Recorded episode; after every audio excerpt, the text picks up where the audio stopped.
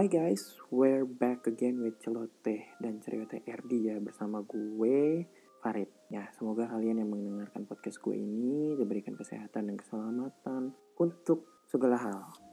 Nah, selalu ingat patuhi protokol COVID-19 agar kita semua tidak terjangkit dalam wabah ini dan selalu ingatkan ke keluarga kalian semua di rumah, oke? Okay?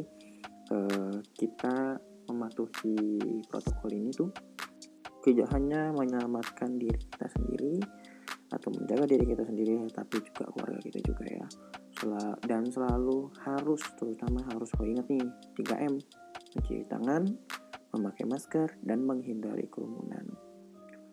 Well gue udah kangen banget nih ngerekam podcast nih. Makanya nih gue ngerekam gue berharap bisa upload segera di Spotify dan semoga kalian selalu mendengar walaupun gue yakin juga nggak ada yang denger juga sih. Ya itu oke okay sih nggak apa-apa sih. Uh, aduh ini udah tahun baru ya. Gue baru padahal materi ini udah gue buat dari sebelum tahun 2021 tapi gue baru bisa ngerekam itu tahun 2021 karena ya kerjaan di lu kerjaan di luar gue yang lumayan sangat-sangat banyak dan hektik. So makes me always to hold my will, hold my mind to record a podcast. But that's okay. Sekarang kayak udah gak terlalu sibuk dan bisa lah, bisa lah menyempilkan waktu. Ya menyempilkan waktu. Ya menyempatkan waktu lah intinya untuk merekam podcast ini. Uh, top untuk episode sekarang episode keempat episode ini kita akan membahas tentang top topik yang berhubungan dengan kesehatan mental. Dan kesehatan mental ini yang berujung ya, sangat-sangat berujung. Bisa yang namanya uh, kehilangan nyawa ya uh, bagi seseorang. Karena apa ya uh, mereka sudah tidak bisa handle lagi. Maksudnya dalam artian mereka sudah tidak bisa menghandle lagi untuk uh, kegelisahan kegelisahan. Apa ya? Ya mentalnya mereka lah sudah bisa ibaratnya mereka sudah tidak tahu harus ngapain terus tambah lagi dengan penyakit e, mentalnya itu udah sakit sebenarnya. Sakit dalam artian sudah tidak bisa terbendung lagi sudah tidak bisa terselamatkan lagi sehingga mereka berpikir untuk menghilangkan nyawanya sendiri atau membunuh bunuh diri kita bisa bilang seperti itu. Well udah pastilah ya kalian udah tahu lah apa namanya kesehatan mental itu apa sih yang berhubungan kesehatan mental. Yes betul banget. Namanya depression anxiety, and stress problem. Yap, kita akan ngebahas tiga hal itu. Tapi sebelum kita ngebahas itu, sebelum kita ya mendalami lebih jauh lagi, kita harus tahu nih eh, pengertian dan pemahamannya dari depression, anxiety, and stress dulu. Oke, okay? menurut nih, gue udah searching, gue udah browsing menu uh, di di Google, gue udah udah searching, udah browsing and googling di internet kita ngebahas masalah depresi dulu. Depresi itu adalah gangguan suasana hati atau mood yang ditandai dengan perasaan sedih yang mendalam dan rasa tidak peduli. Semua orang pasti pernah merasa sedih atau murung, tetapi seseorang bisa dinyatakan atau mengalami depresi kali jika sudah dua minggu merasa sedih atau putus harapan atau merasa tidak berharga. Aduh gila, jujur ya gue ngebaca ini aja ya di kalian kalian bisa searching kalian bisa browsing atau buka websitenya Alo Dokter. Uh, cari deh di Alo Dokter itu tentang penyakit ada di situ. Itu aduh gue sedih banget sih ngebaca pengertiannya itu sedih gitu sebenarnya kayak bayangin lu ngerasa ngerasa sedih berkepanjangan dua minggu atau satu bulan atau even satu tahun gitu. Dan dan dan ngerasa putus harapan. Dan dan terus abis setelah itu merasa tidak berharga gitu loh kayak gimana? gitu. Nah di sini di sini kita apa ya apa namanya di alo dok alo dokter ini juga menjelaskan bahwa depresi yang dibiarkan berkelanjutan dan tidak mendapatkan penanganan bisa mengakibatkan atau menyebabkan terjadinya penurunan produktivitas kerja, gangguan hubungan sosial, hingga munculnya keinginan untuk bunuh diri. Kalian bayangin gak sih? Ada teman kayak, gak usah teman lah. kakak atau adik kalian yang ngerasa depresi tapi mereka nggak cerita gitu tapi mereka nggak apa ya nggak ngomong ke kalian gitu loh nggak ngobrol gitu. Kayak ibaratnya kalian sibuk dengan urusan masing-masing. Kalian sudah sibuk dengan pasangan kalian kalian sibuk dengan kerjaan kalian masalah kalian sendiri. Tapi kalian nggak aware uh, kalian nggak apa ya nggak nggak peduli lah dengan dengan lingkungan kalian sendiri gitu. Ya gak usah jauh-jauh lah keluarga kalian. Kalau teman ya kalau kalau ling, lingkaran teman atau lingkungan teman kayak satu atau dua kali ketemu uh, jarang. Ibaratnya sering ketemu tapi nggak terlalu sering lah. Kalau sama keluarga kan setiap hari ngobrol lah ibaratnya gimana. Kalian bayangin deh nggak ngobrol gitu loh nggak nggak nggak ngobrol nggak ngomong masalahnya apa sih gitu loh kayak ngerasa merasa nggak berharga gitu loh. Kesian sebenarnya uh, gue merasa gue gue pernah merasa seperti itu. Gila sih itu tuh sakit sih sakit jujur sakit banget sih. Gak cerita ke orang masalah lo apa gak ngobrol lagi kenapa lo gak ngomong juga ke keluarga lo lagi kenapa ada apa gitu. Sumpah gue pernah ya merasa untuk ada rasa keinginan untuk bunuh diri. Bener gue gak bohong ngerasa banget. Tapi lama-lama setelah gue pikir setelah gue pikir-pikir kayak gue ngapain nih mikirin kayak begitu ya? Goblok banget gitu. Maksud gue kayak daripada gue mikirin buat bunuh diri gitu gue mending mikirin untuk gue berkarya lah untuk ngapain ke kerja cari kerja ke gimana ke dan itu buat gue kayak oh ya oke okay, gitu. Alham, ya alhamdulillah ya. Bu, uh, alhamdulillah gue nggak gue sudah tidak merasa merasa memiliki keinginan untuk bunuh diri tersebut gitu loh. Nah gue lanjut lagi ya jadi depresi ini sebenarnya dan oh ya sama satu sama sama ini juga nih. Depresi itu bisa menyerang siapa saja. Siapa saja ya, ingat siapa saja.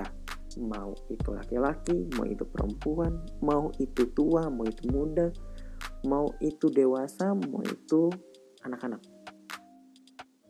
Nah, jadi bagi kalian-kalian semua nih yang sudah memiliki anak, bagi kalian yang sudah memiliki momongan, bagi kalian yang sudah ya anaknya sudah beranjak dewasa either itu dua tahun either itu tiga tahun kalian harus bisa tahu ya.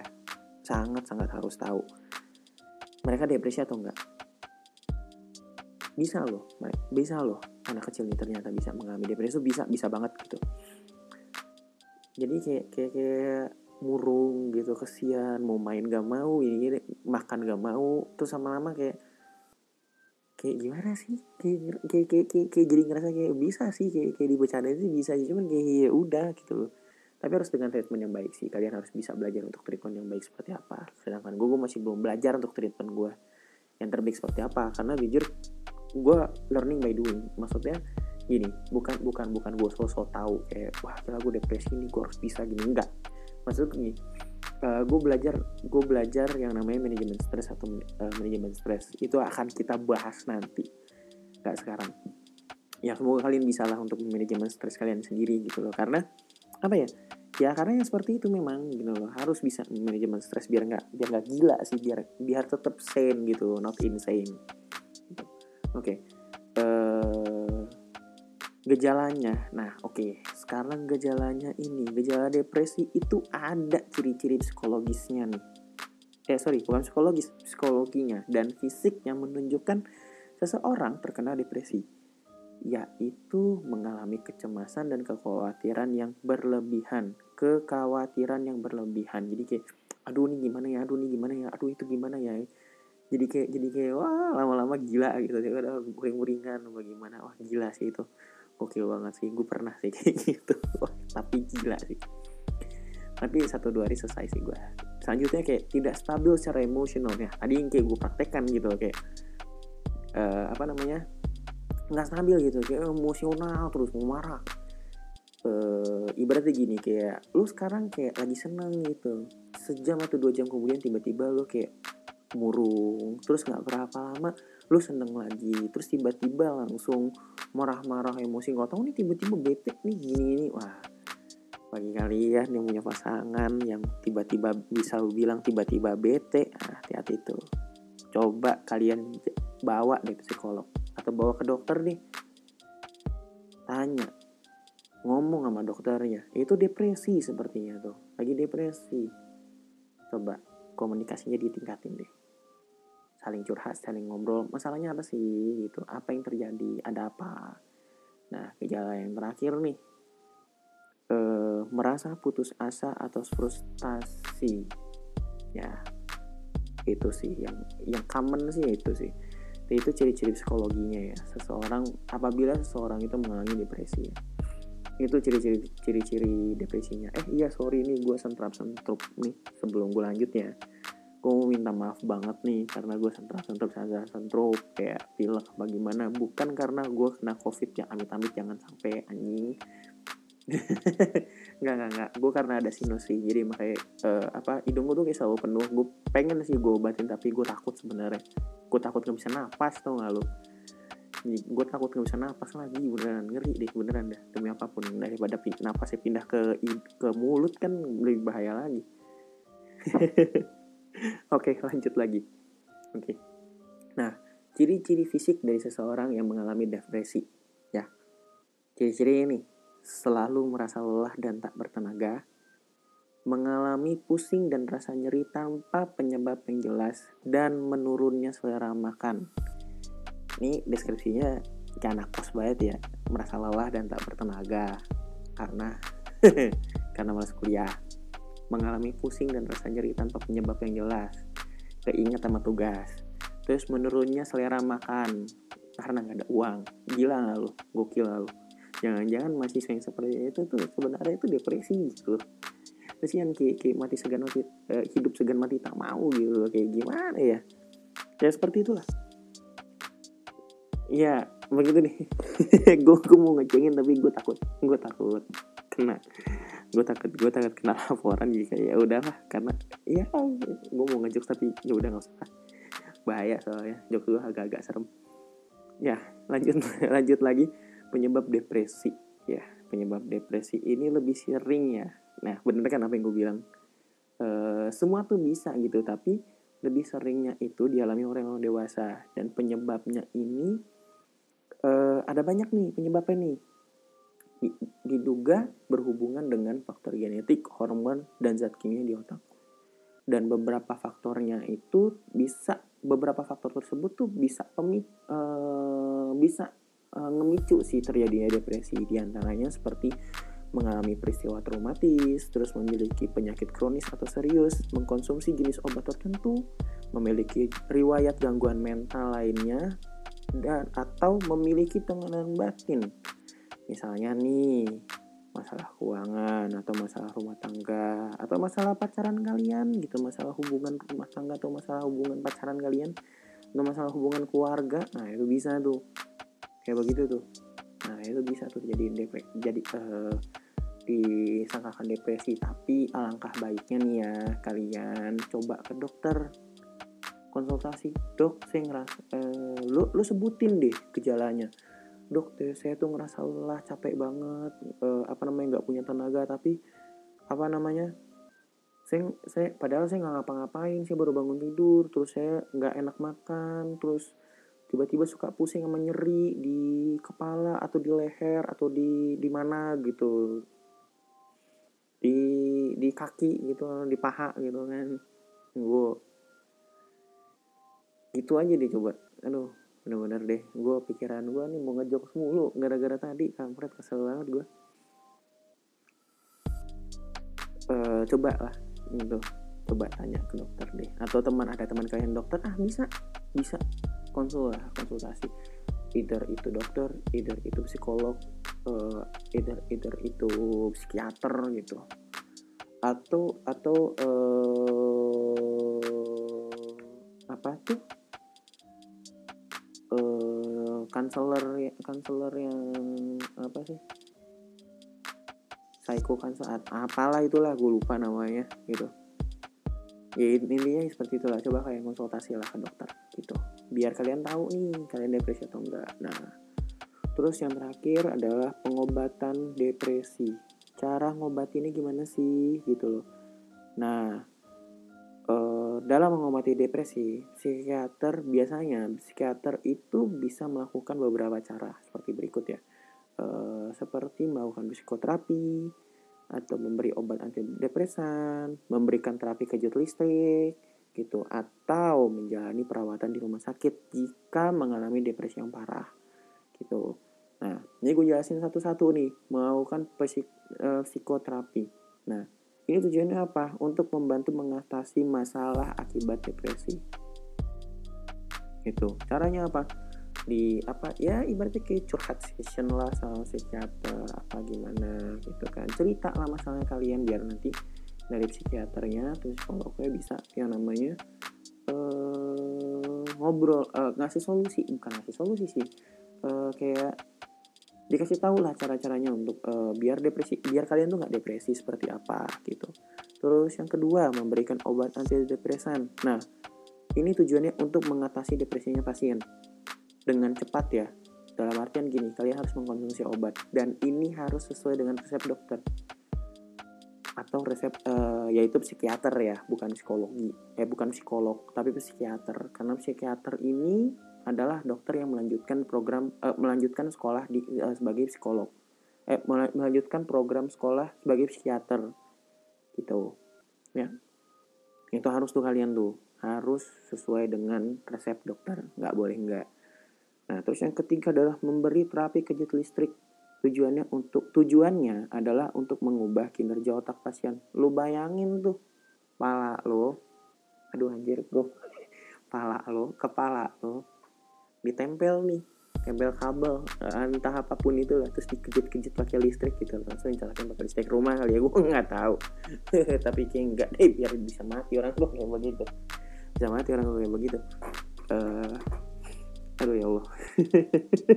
Gue mau gue gue mau gue mau ngejok tai sih ini anjing. Bener-bener kesel banget nggak nggak nggak. Maksudnya memberikan terapi ke listrik jadi uh, dari dokter itu mempunyai alat yang di mana uh, mempunyai alat di mana alat itu bisa me mengalirkan aliran listrik ke, ke dalam ke dalam otak kita atau ke dalam uh, ke dalam otak kita juga bisa gitu untuk urus gitu. Tapi kalau otak untuk memperbaiki sel-sel uh, uh, apa sel-sel saraf gitu gitu biar lebih baik sih intinya gitu. Nah selanjutnya yang terakhir adalah menjalani perawatan di rumah sakit jika mengalami depresi yang parah. Jadi jika kalian sangat-sangat depresi atau sudah benar-benar tidak bisa tertolong mau nggak mau kalian harus diobservasi.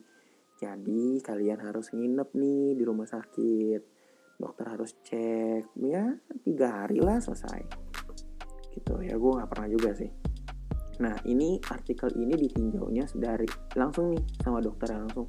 Ditinjau oleh dokter Mary Dame Christy Payne dan itu terakhir diperbarui 14 Juni 2020. Jadi artikelnya uh, belum nyampe setahun ya. Jadi masih masih masih apa namanya? masih relevan lah untuk di untuk dibaca, masih relevan lah untuk di uh, apa ya masih di untuk sebagai ya salah satu acuan lah untuk kalian mau tahu nih de, tentang depresi itu apa gitu oke selanjutnya uh, enaknya stres dulu apa anxiety ya anxiety dulu kali ya nah anxiety anxiety ini uh, itu rasa cemas gitu itu sebenarnya hal yang normal dirasakan ketika seseorang mengalami situasi atau mendengar berita yang menimbulkan rasa takut atau khawatir. Tetapi harus diwaspadai ini apabila muncul tanpa sebab atau sulit di dikendalikan.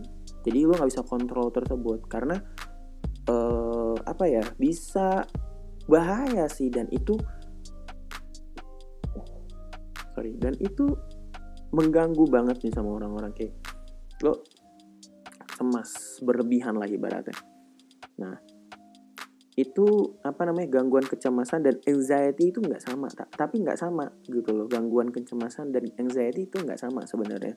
Nah rasa cemas ini terbilang normal apabila masih terkendali dan hilang setelah faktor pemicu munculnya rasa cemas teratasi uh, oh iya ini sumbernya gue tetap pakai di alo dokter ya karena memang alo dokter ini ter bekerja sama dengan Kementerian Kesehatan Republik Indonesia. Jadi uh, apa namanya? Ya legit sih for me it's legit ya. Jadi kayak uh, bener banget nih gitu. Gue nggak mau kayak uh, penjelasan yang apa namanya? Penjelasan abal-abal lah kasarannya begitu. Oke gue lanjut lagi. Jadi namun gini gue lanjutin lagi. Namun apabila nih jika perasaan cemas menetap atau memburuk hingga akhirnya mengganggu aktivitas sehari-hari nah kondisi tersebut dapat dikatakan sebagai gangguan kecemasan atau anxiety disorder. Nah kita harus tahu nih tentang anxiety uh, berbagai gejalanya untuk anxiety atau kecemasan ini seperti apa nih. Jadi uh, setiap orang tuh pasti dapat uh, merasa ke, uh, merasa cemas ketika hendak menghadapi atau sedang berada dalam situasi yang dirasakan mengancam atau menakutkan. Contoh, pindah sekolah. Kalau kalian anak-anak baru pindah sekolah ke yang lebih baik gitu. Jadi takut gitu. Kayak aduh ini pada temenan sama gue gak ya? Pada pada mau gak ya? Aduh teman-teman gimana nih ya? Aduh gue dibully gak ya? Terus uh, selanjutnya memulai pekerjaan. Memulai pekerjaan yang baru terutama ya bukan pekerjaan yang lama pekerjaan yang lama mah ya peker, ya lo ngelanjutin aja bukan bukan takut itu tapi males. Mulai pekerjaan yang baru oke contoh oke lo uh, keterima di suatu perusahaan di mana perusahaan tersebut uh, apa namanya perusahaan besar dan lo berpikir dan lo cemas gitu dan takut aduh gimana nih ya gue ya? Aduh gue harus seperti apa ya sikapnya? Ya aduh gue harus uh, berteman sama siapa ya? Nah itu seperti itu. Tuh terus akan menjala selanjutnya akan menjalani operasi. Nah ini biasanya nih yang penyakitan penyakitan ya nggak penyakitan sih kayak nggak usah nggak usah operasi lah ya. Jarum suntiknya udah deg-degan kan lo disuntiknya udah deg-degan coba. Takut jarumnya ketinggalan dalam badan lah. Atau jarumnya nyangkut lah gitu. Atau dimain-mainin sama suster ya diwul-wulin lo bayangin lo suster ngulin jarum di kulit lo gitu loh. Tapi nggak mungkin juga sih. Suster kayak begitu jahat banget emang. Kampret. Itu cuma bayangin bayanganku doang sih. Sorry ya. Terus memiliki teman atau anggota keluarga yang terkena musibah. Jadi kayak lo merasa ada ada perasaan iba dan kesian. Tapi lo ngerasa takut. Aduh nih kalau kalau terjadi lagi gimana ya? Aduh nih kabarnya gimana ya? Gitu. Aduh dia baik baik aja kan? Gitu. Nah itulah yang khawatiran atau uh, kecemasan yang berlebih seperti itu. Atau nih menunggu istri yang akan melahirkan. Wah itu deg-degannya parah sih pasti sih. Gue uh, mungkin dalam tahun ini gue akan mengalami hal seperti itu dan gue agak sedikit takut nih. Tegang juga sih sebenarnya sih ini udah apa ya udah udah udah jalan mau mau jalan lagi jalan empat bulan di mana uh, tri, tri awal udah udah selamat lah maksudnya udah udah udah berhasil udah lewat gitu kan. Sekarang udah tri, tri kedua di mana nih aduh nih gawat nih kalau gawat gawat gawat banget nih sumpah demi apa pun. Gue nggak bohong gawat dalam artian gini kayak aduh nih gimana ya? Aduh nih gimana ya? Aduh nih baik baik aja ya. Gue pun sampai setiap sampai sekarang pun setiap hari gue selalu khawatir dengan dengan istri gue by the way. Karena aduh nih dia baik baik aja nggak ya? Aduh dia udah makan belum ya? Nah itu uh, eh, gue agak cemas gue anxiety dan tapi hal itu hal wajar. Kenapa? Karena uh, gue nggak nggak apa namanya nggak ini nggak nggak nggak nggak nggak selalu ngontek-ngontek dia. Gue gue cuman paling gue cuma gimana? Lagi apa? Udah makan belum? Gitu. Udah selesai gitu doang. Uh, oke. Okay. kok malah gue jadi curhat ya anjing kesal buat gue oke okay, lanjut deh. Uh, uh, lanjut. Ini terus nah munculnya rasa cemas karena harus berhadapan dengan situasi atau keadaan yang dianggap dapat menimbulkan stres adalah hal yang normal. Bener sangat sangat normal. Nah biasanya orang-orang itu uh, akan merasakan gejala-gejala kayak gugup, gelisah, dan tegang, terus detak jantung cepat, nafas lebih cepat, gemeteran, ya tremor lah ibaratnya, terus sulit atau bahkan tidak bisa tidur, banyak berkeringat, tubuh terasa lemas, sulit berkonsentrasi, dan adanya perasaan seperti akan ditimpa bahaya. Jadi kayak jadi kayak cenayang lah ibaratnya loh, kayak kayak kayak aduh ini gimana ya, aduh aduh ini serem banget nih, aduh ini gimana nih ya gitu. Nah itulah gitu loh. Jadi perasaan seperti itulah kayak uh, apa namanya lu napas cepet ya. Huh, huh, gitu kayak kayak kayak kayak abis dikejar-kejar binatang gitu kan atau atau abis dari lari atau jogging atau running lah ya either either one of it lah. Atau gugup gelisah sama tegang kayak kayak interview pertama kali apa gimana gitu kan. Nah itu itu tuh wajar tapi aduh gila sorry sorry gue uh, sendawa dulu nih. Gila tapi enak banget sih tadi gue sarapan mantap cuy nah ini ada apa namanya ada himbauan juga sih bahwa uh, anjir gue langsung lompat gitu aja Nah, intinya gitu sih. Apa namanya? Jadi itu sebenarnya hal wajar sih anxiety uh, dari dari gejala-gejalanya memang seperti itu gitu. Dan itu nggak apa-apa. Tapi uh, itu normal sebenarnya. Tapi ada nih gitu. Uh, apa namanya? Hmm, kita harus bisa membedakan nih antara anxiety normal dengan anxiety yang berbahaya. Jadi cemas atau anxiety tidak selalu buruk. Dengan pikiran positif, Rasa cemas yang muncul dapat dijadikan motivasi atau dorongan yang dapat mengatasi tantangan atau situasi tertentu. Jadi, walaupun kalian cemas, walaupun kalian uh, apa khawatir, tapi kalian harus uh, mengambil dari sisi positifnya. Dalam artian, aduh nih gimana ya, ah tapi gue bisa lah, pasti bisa nggak mungkin enggak. Ibaratnya kayak ada lo pekerjaan di mana pekerjaan itu sulit nih untuk di apa sulit untuk diselesaikan gitu. Nah kayak aduh nih gimana ya nyelesainnya ya, bisa nggak ya? Ah pasti bisa lah gitu pasti bisa lah aku searching dulu deh di Google caranya gimana nah itu tuh anxiety yang positif dalam artian lu khawatir lu takut lu cemas eh, tidak bisa menyelesaikan tetapi lu berusaha untuk ah bisa nih pasti nih nggak mungkin enggak gitu. Nah seperti itu. Jadi memang cemas itu harus di harus diubah dengan harus dihilangkan. Bisa di bisa sebenarnya dihilangkan dengan cara lu berpikir positif. Gitu. Jadi nggak nggak lo cemas lo takut bla bla bla tiba-tiba tiba-tiba lo gila gitu kan? Nggak mungkin. Gitu. Yang ada malah jadi apa? Depresi kayak pembahasan kita awal. Depresi cuy langsung jadinya. Depresi stres mati abis itu atau enggak ya nggak mati sih meninggal. Dalam artian lo bunuh diri atau enggak lo jadi jadi jadi insane atau jadi gila gitu. Itulah yang harus yang berbahaya tuh seperti itu. Masih sih gue ngebahas anxiety ini di awal sih ya bukan stres depresi dulu tapi anxiety dulu jadi biar bertahap. Tapi ya oke okay lah gak apa-apa. Oke. Okay. uh, eh, selanjutnya next nih. Nah dari alodok dari dari alodokter ini juga jangan jelas ini jadi hal yang perlu diwaspadai adalah ketika rasa cemas tetap muncul meski faktor pemicunya sudah hilang atau perasaan cemas muncul tanpa alasan jelas dan mengganggu aktivitas. Dalam hal ini, harus kita patut mencurigai adanya gangguan kecemasan. Nah, masing-masing penderita itu bisa gejala itu beda-beda. Tergantung ya, tergantung banget nih dari jenis gangguannya, gang, jenis gangguannya itu ya, uh, seperti apa gitu yang diderita seperti apa. Nah, untuk menentukan apa anxiety yang muncul terbilang normal atau disebabkan oleh gangguan mental, kalian harus dan perlu dilakukan uh, ke psikolog atau psikiater. Karena uh, mereka menentukan kalian ini anxiety atau enggak anxiety disorder atau tidak atau uh, kecemasan berlebih atau tidak. Nah gitu. Nah ini apa namanya uh, beberapa jenis ini beberapa jenis anxiety yang harus kita ketahui ya. Ini banget banget harus ketahuin. Ada anjir banyak banget. Ada enam. Ada enam. Gangguan. Enggak gangguan sih. Uh, jadi uh, jenis-jenis anxiety disorder atau gangguan kecemasan beserta gejalanya. Oke satu. Yang pertama nih gangguan kecemasan umum atau generalized anxiety disorder jadi seseorang yang menderita gangguan kecemasan umum bisa merasa cemas atau khawatir secara berlebihan terhadap berbagai hal, mulai dari pekerjaan, kesehatan, hingga hal-hal yang sederhana seperti berinteraksi dengan orang lain. Atau ketemu dengan orang baru itu udah pasti. Pasti uh, aduh nih orang baik nggak ya? Aduh nih orang uh, asik ya? Nah, itu sih. Itu umum dan anxiety yang muncul akibat gangguan kecemasan umum bisa dirasakan setiap hari dan menetap hingga lebih dari enam bulan.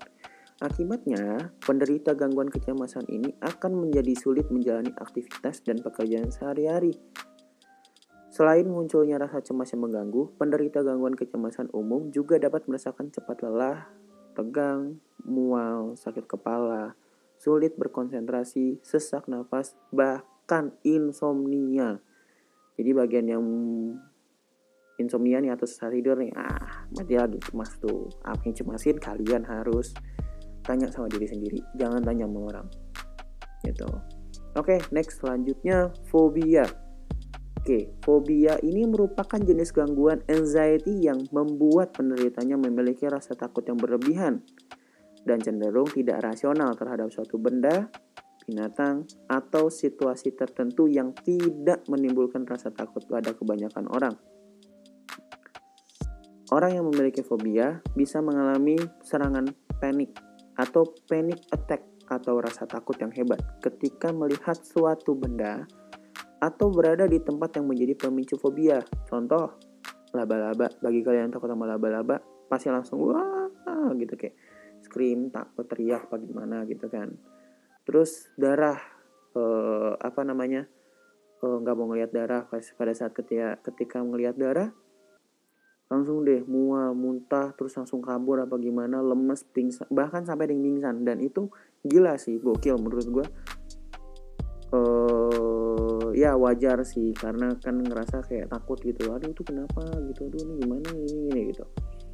Terus selanjutnya berada di tengah keramaian nah ini bagi yang introvert nih pasti males di keramaian terus tempat yang gelap tempat tinggi atau ruangan tertutup. Nah, itu gimana ya? Aku bayangin ya.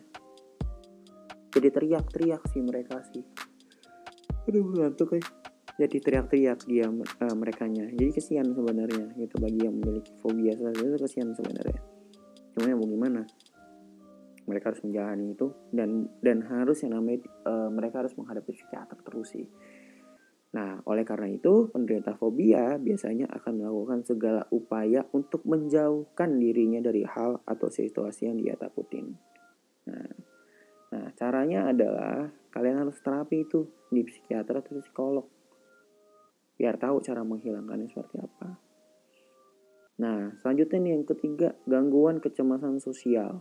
Wah, ini gue aneh banget sih ini penderita gangguan kecemasan sosial atau dikenal juga fobia sosial memiliki kecemasan atau ketakutan yang luar biasa terhadap lingkungan sosial atau situasi di mana mereka harus berinteraksi dengan orang lain.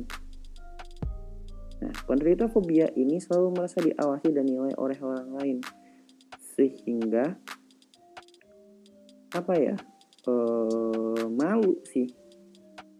Gitu jadi kayak takut gitu loh karena nih penderita fobia ini selalu merasa diawasi dan dinilai oleh orang lain serta takut atau merasa malu secara berlebihan saat berada di keramaian. Nah, hal-hal tersebut membuat penderita selalu berusaha menghindari situasi yang mengharuskan ia bertemu atau berinteraksi dengan banyak orang. Nah, jadi kayak takut ketemu orang atau kayak gimana. Mereka sudah berpikir negatif dulu sih, aduh nih orangnya baik nggak ya? contoh nih kayak kayak lagi masa pandemi aduh nih orangnya positif apa enggak nggak ya? Apa apa enggak ya? Gitu. Aduh nih orangnya kok nggak pakai masker sih? Aduh kok nih orangnya nggak nggak pakai hand sanitizer sih pas apa pas ketemu gue? Gitu kan. Aduh nih orang banyak banget nih aduh gue ngeri nih. Ada droplet gitu ada ada macam-macam gitu ya intinya seperti itulah gitu agak-agak ya kesian sih jadi nggak mau berinteraksi dengan orang Oke, okay, next selanjutnya nomor 4 adalah PTSD atau Post Traumatic Stress Disorder. Nah, gangguan stres pasca trauma atau PTSD dapat muncul pada seseorang yang pernah mengalami kejadian traumatis atau berada di, suatu, di situasi berbahaya yang mengancam nyawa. Contohnya, tinggal di, di daerah konflik atau perang. Well, kayak di Afghanistan, kayak di uh, Iran kayak di Uzbek ibaratnya Middle East lah yang yang selalu berperang. Nah itu tuh ada yang PTSD itu mereka.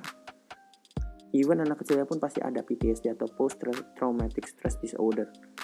Nah terus selanjutnya terkena bencana alam. Bagi yang kayak korban-korban longsor sekarang tuh udah uh, pada terkena terdampak PTSD-nya sih. Jadi udah post traumatic stress disorder juga. Kesian gitu loh dan uh, atau korban kekerasan physically and mentally. Nah, menjadi trauma gitu loh.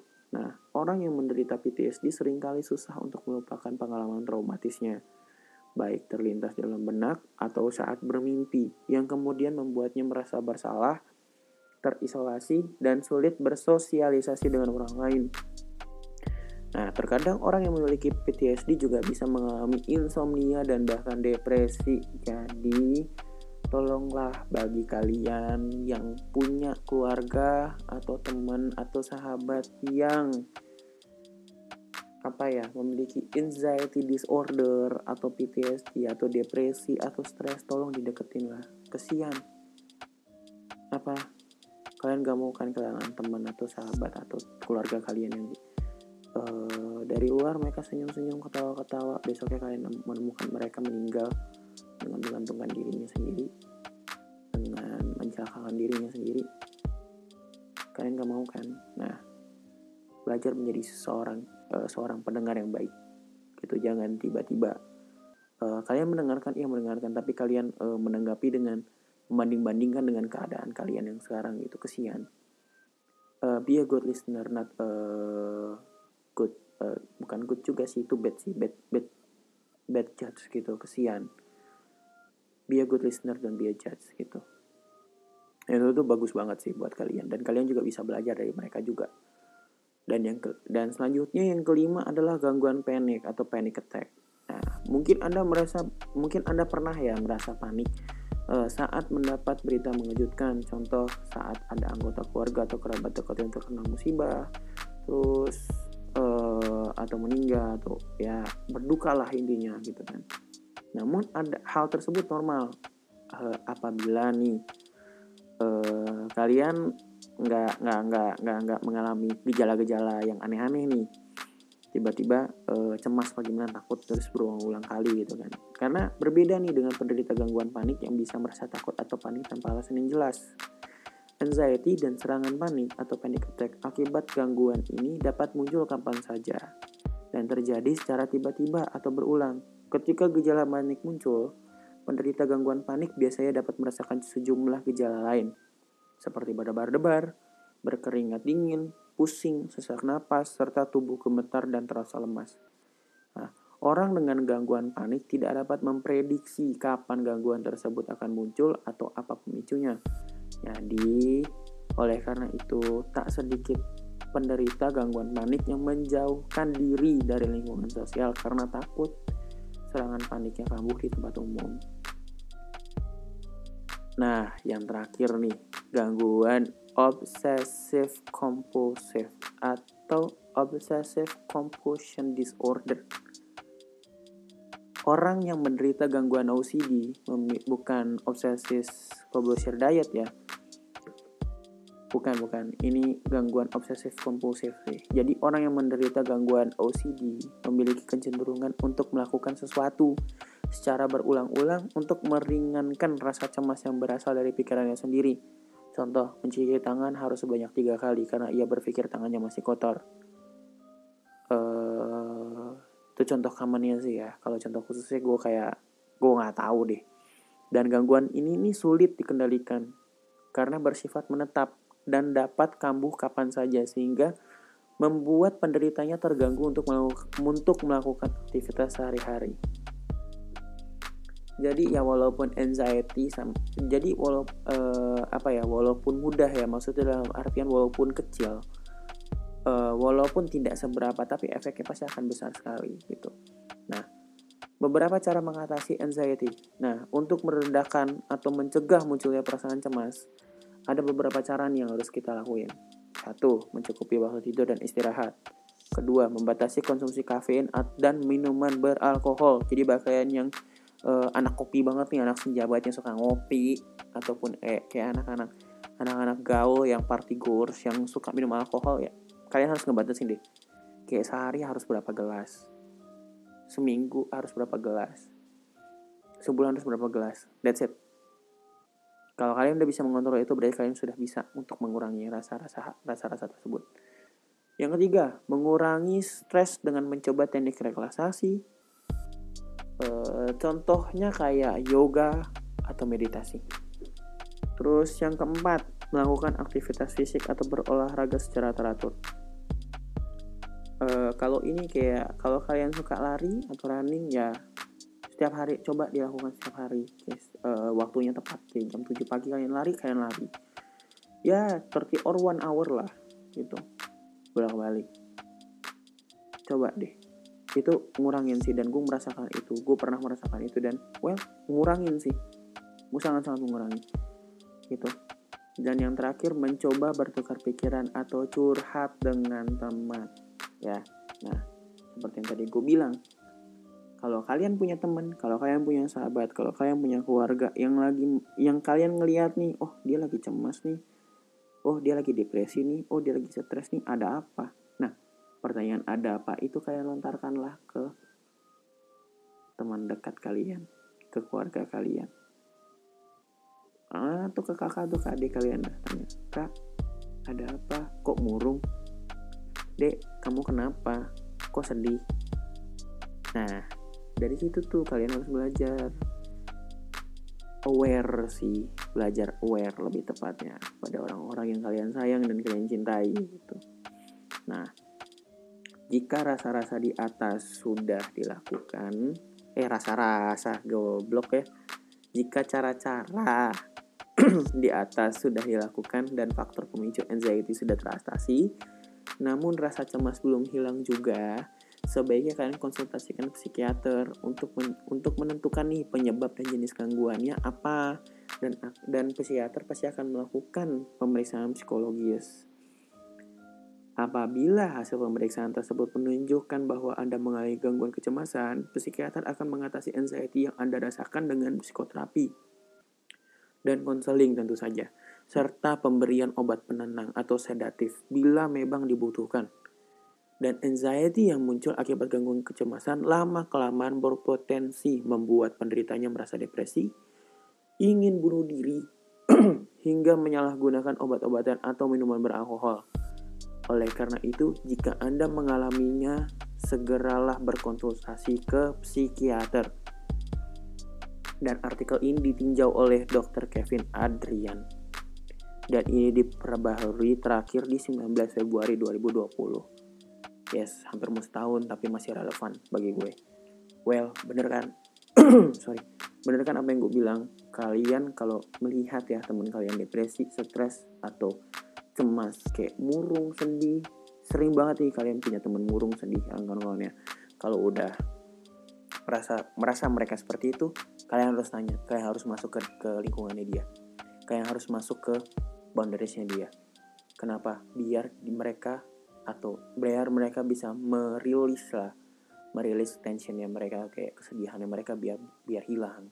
Karena karena ketika kita menanyakan ada apa kita menanyakan kenapa ke mereka uh, mereka seneng gitu. Mereka kayak oh akhirnya ada yang peduli akhirnya ada yang care. Pasti mereka akan curhat. Dan terutama kalian jangan judge mereka jangan menjudge mereka. Kalian harus bisa menjadi kalian harus bisa uh, apa ya uh, jadi pendengar yang baik sih. Itu terutama. Oke selanjutnya kita beralih ke stres. Oke, wait. Stres. Stres adalah reaksi tubuh yang muncul saat seseorang menghadapi ancaman, tekanan, atau suatu perubahan. Nah, stres juga dapat terjadi karena situasi atau pikiran yang membuat seseorang merasa putus asa, gugup, marah, atau bersemangat. Jadi situasi tersebut akan memicu respon tubuh baik secara fisik ataupun mental. Nah, respon tubuh terhadap stres dapat berupa napas dan detak det, sorry. Dan detak jantung menjadi cepat, otot menjadi kaku dan tekanan darah meningkat. So, kalau kalian merasa seperti itu, berarti kalian lagi stres. Enggak juga sih. Ya, kecelakaan mungkin bisa sih dan itu bisa stres juga sih.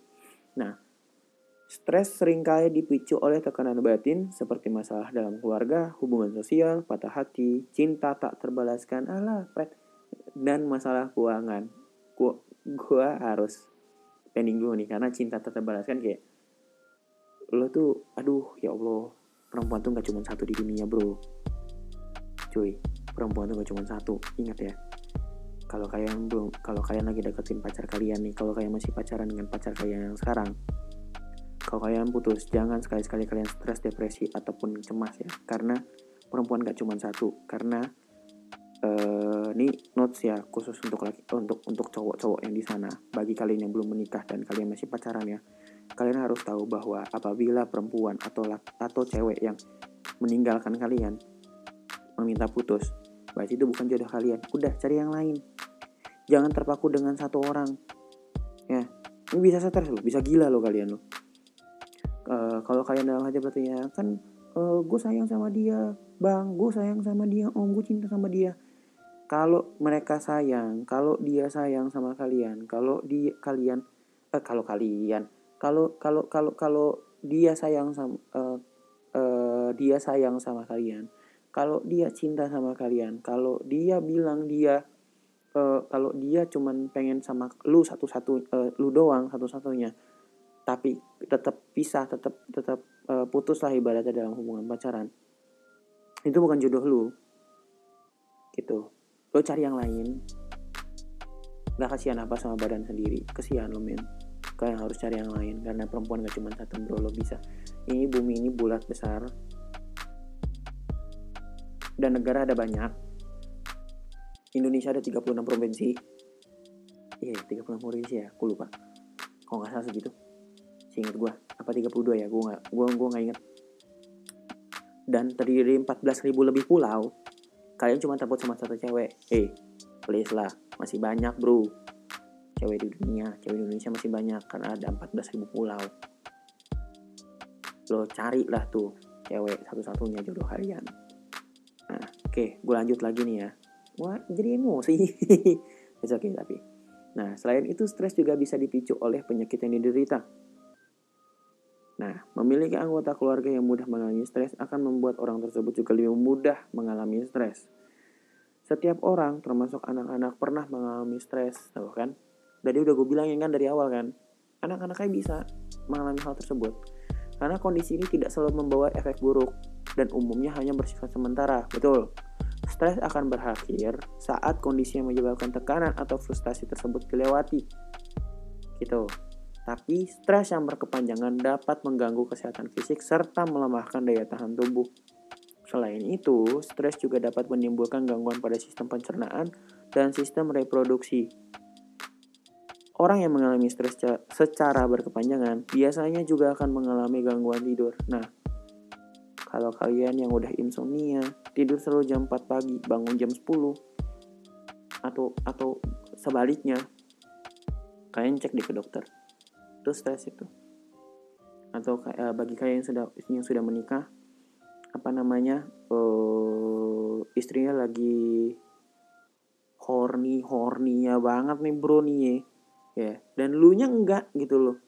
Dan suami lo enggak gitu loh atau lo yang enggak gitu bagi yang laki-laki. Wah itu lo coba cek deh lo konsultasi lo ngobrol sama istri lo lo kenapa sih gitu loh. Lo kenapa nggak nggak nggak nggak nge-hype juga? Lo kenapa ngelihat gue yang seksi ini nggak nge-hype gitu lah. Lo coba bagi istri-istri ini yang istri-istri yang terbaik nih ya. Yang selalu patuh dengan suami. Tanya suaminya kalau emang suaminya tidak tidak bergairah itu ada apa? Karena itu udah pasti sinyalnya stres. Coba kalian harus kalian harus coba itu. Kalian harus tanya. Ataupun sebaliknya eh, bagi para suami yang hebat-hebat suami yang yang keren-keren nih kalau istrinya tidak mau digauli tidak mau melakukan hubungan seks coba tanya ada apa? Kamu kenapa? Siapa tahu nih? Siapa tahu bukan bosan ya bukan gue gue nggak gue nggak akan ngomongin itu bosan siapa tahu dia stres coba tanya. Saling curhat satu sama lain saling ngobrol. Karena uh, ngobrol before sex dan after sex itu penting banget karena untuk mempererat karena uh, opini uh, bagi gua bagi bagi gua seks itu hanyalah jembatan bagi kalian untuk menjadi lebih baik maksudnya kualitas hubungannya. Tapi yang utamanya adalah uh, chit chat before and after sex saling saling membanggakan saling memuji diri diri masing-masing itu lebih baik.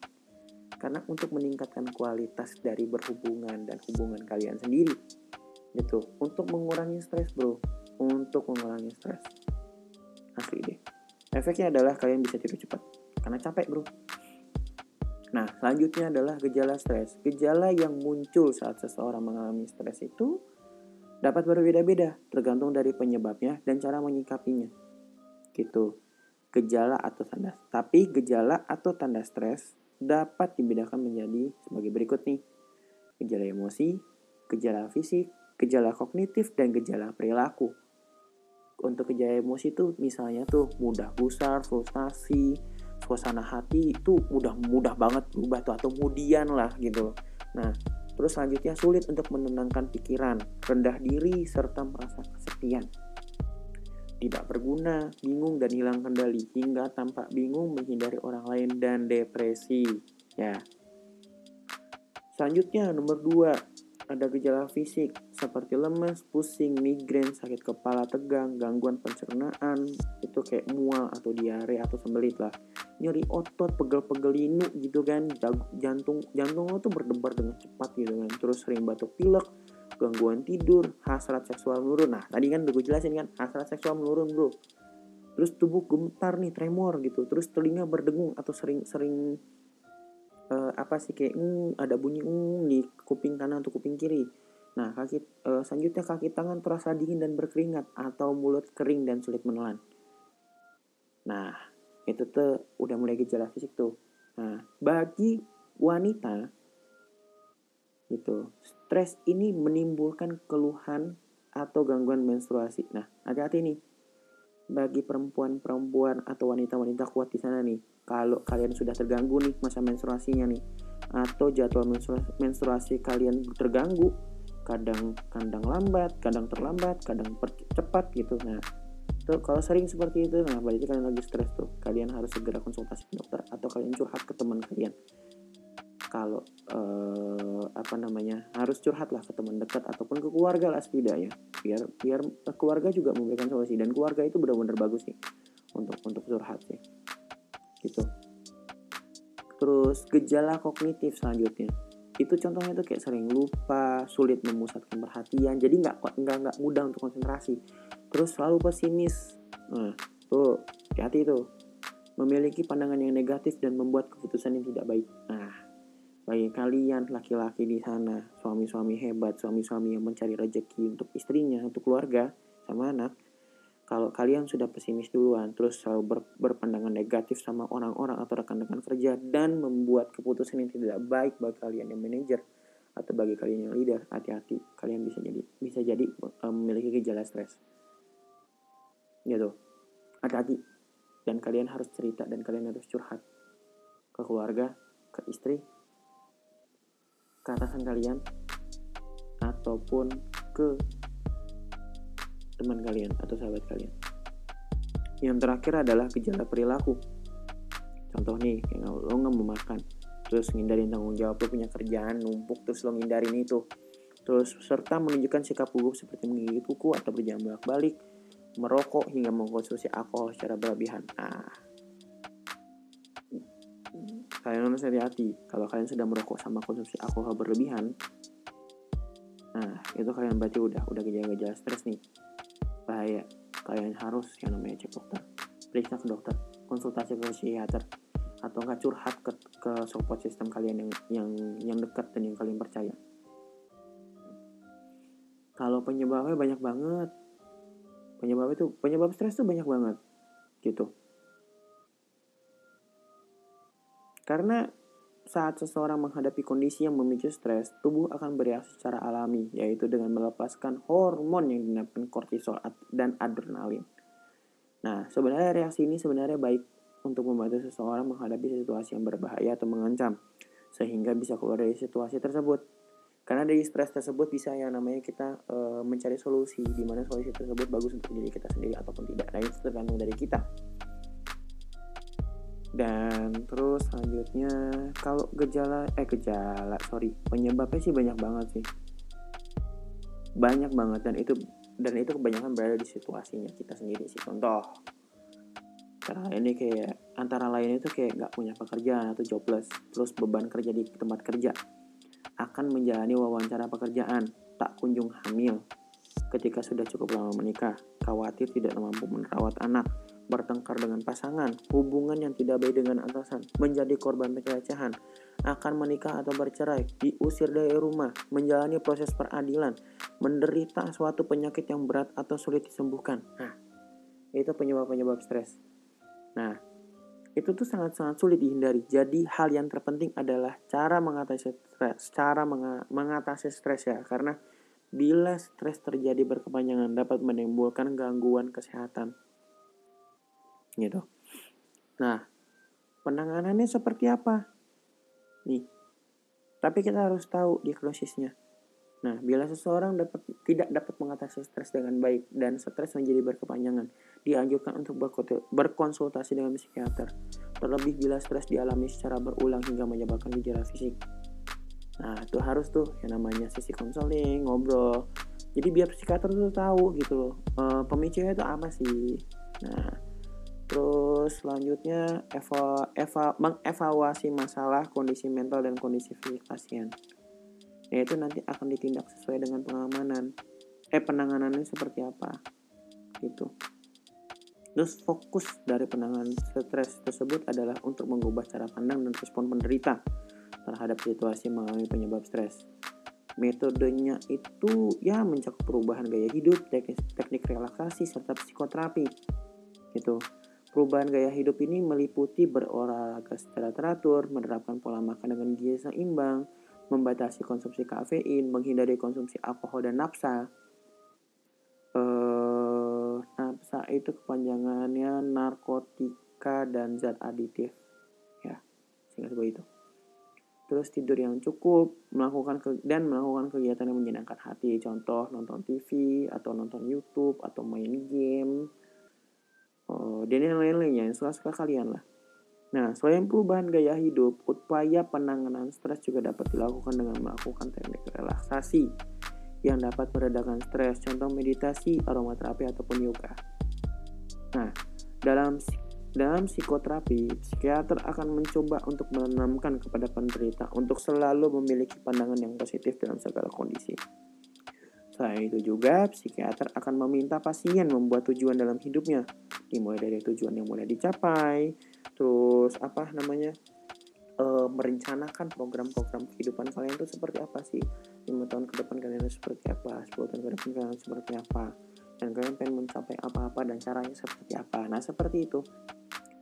Itu dan psikopat dan psikoterapi ini akan dilakukan dalam beberapa sesi. Jadi jangan pernah ragu jangan pernah takut jangan pernah menunda. Kalau kalian sudah mengalami gejala-gejala seperti itu entah kalian anxiety entah kalian depresi entah kalian stres kalian harus ketemu psikiater ataupun kalian cerita lah setidaknya. Gitu. Pasti. Kenapa? Karena penting buat kalian gitu loh. Gitu loh. Sedih loh kalau kalian kalau kalian uh, apa namanya ada ada teman kalian atau keluarga kalian yang stres uh, depresi atau anxiety itu uh, sedih loh kesian gitu karena uh, orangnya tuh kayak mati uh, hidup segan mati tak mau gitu kasihan banget. Jadi bagi kalian yang punya teman uh, memiliki teman seperti itu atau keluarga kalian lah yang memiliki seperti itu temenin deh deketin. Tanya ada apa? Lo kenapa? Curhatlah sini sama gue sama gue siapa tuh gue bisa kasih solusi. Seperti itu. Dan artikel yang tentang stres ini tuh terakhir diperbaharui itu 18 Maret 2019 dan ditinjaunya langsung oleh dokter Chin Willy. Ini kayak dokternya perempuan sih. Ya oke okay lah nggak apa-apa. Ya jadi seperti itu sih. Uh, apa ya? Uh, jadi uh, dalam ketiga pembahasan ini dalam ketiga tiga hal ini tuh kalian harus bener-bener bisa lah dalam artian uh, kalian harus tahu dan kalian harus paham bahwa semua orang stres pasti stres. Cuman orang-orang dekat kita ini tidak ada yang namanya uh, orang yang bisa diajak cerita atau curhat. Jadi cobalah menjadi seseorang seperti itu. As a good listener not a judge. Gitu. Harus kalian seperti itu. Uh, pesan gue paling cuma itu aja thank you yang udah ngedengerin. Gue sangat-sangat thank you. Gue sangat-sangat berterima kasih. Semoga apa yang gue ceritain ini apa yang gue bahas ini uh, menjadi ilmu dan bermanfaat dan berguna buat kalian ya. I'm signing off from this podcast. Semoga gue bisa ngerekam lebih rajin lagi uh, untuk podcast gue ini. Dan gue akan men-share akan menceritakan hal yang bagus dan hal-hal yang uh, baik untuk kalian dan semoga bermanfaat bagi kalian. I'm signing off. Bye bye.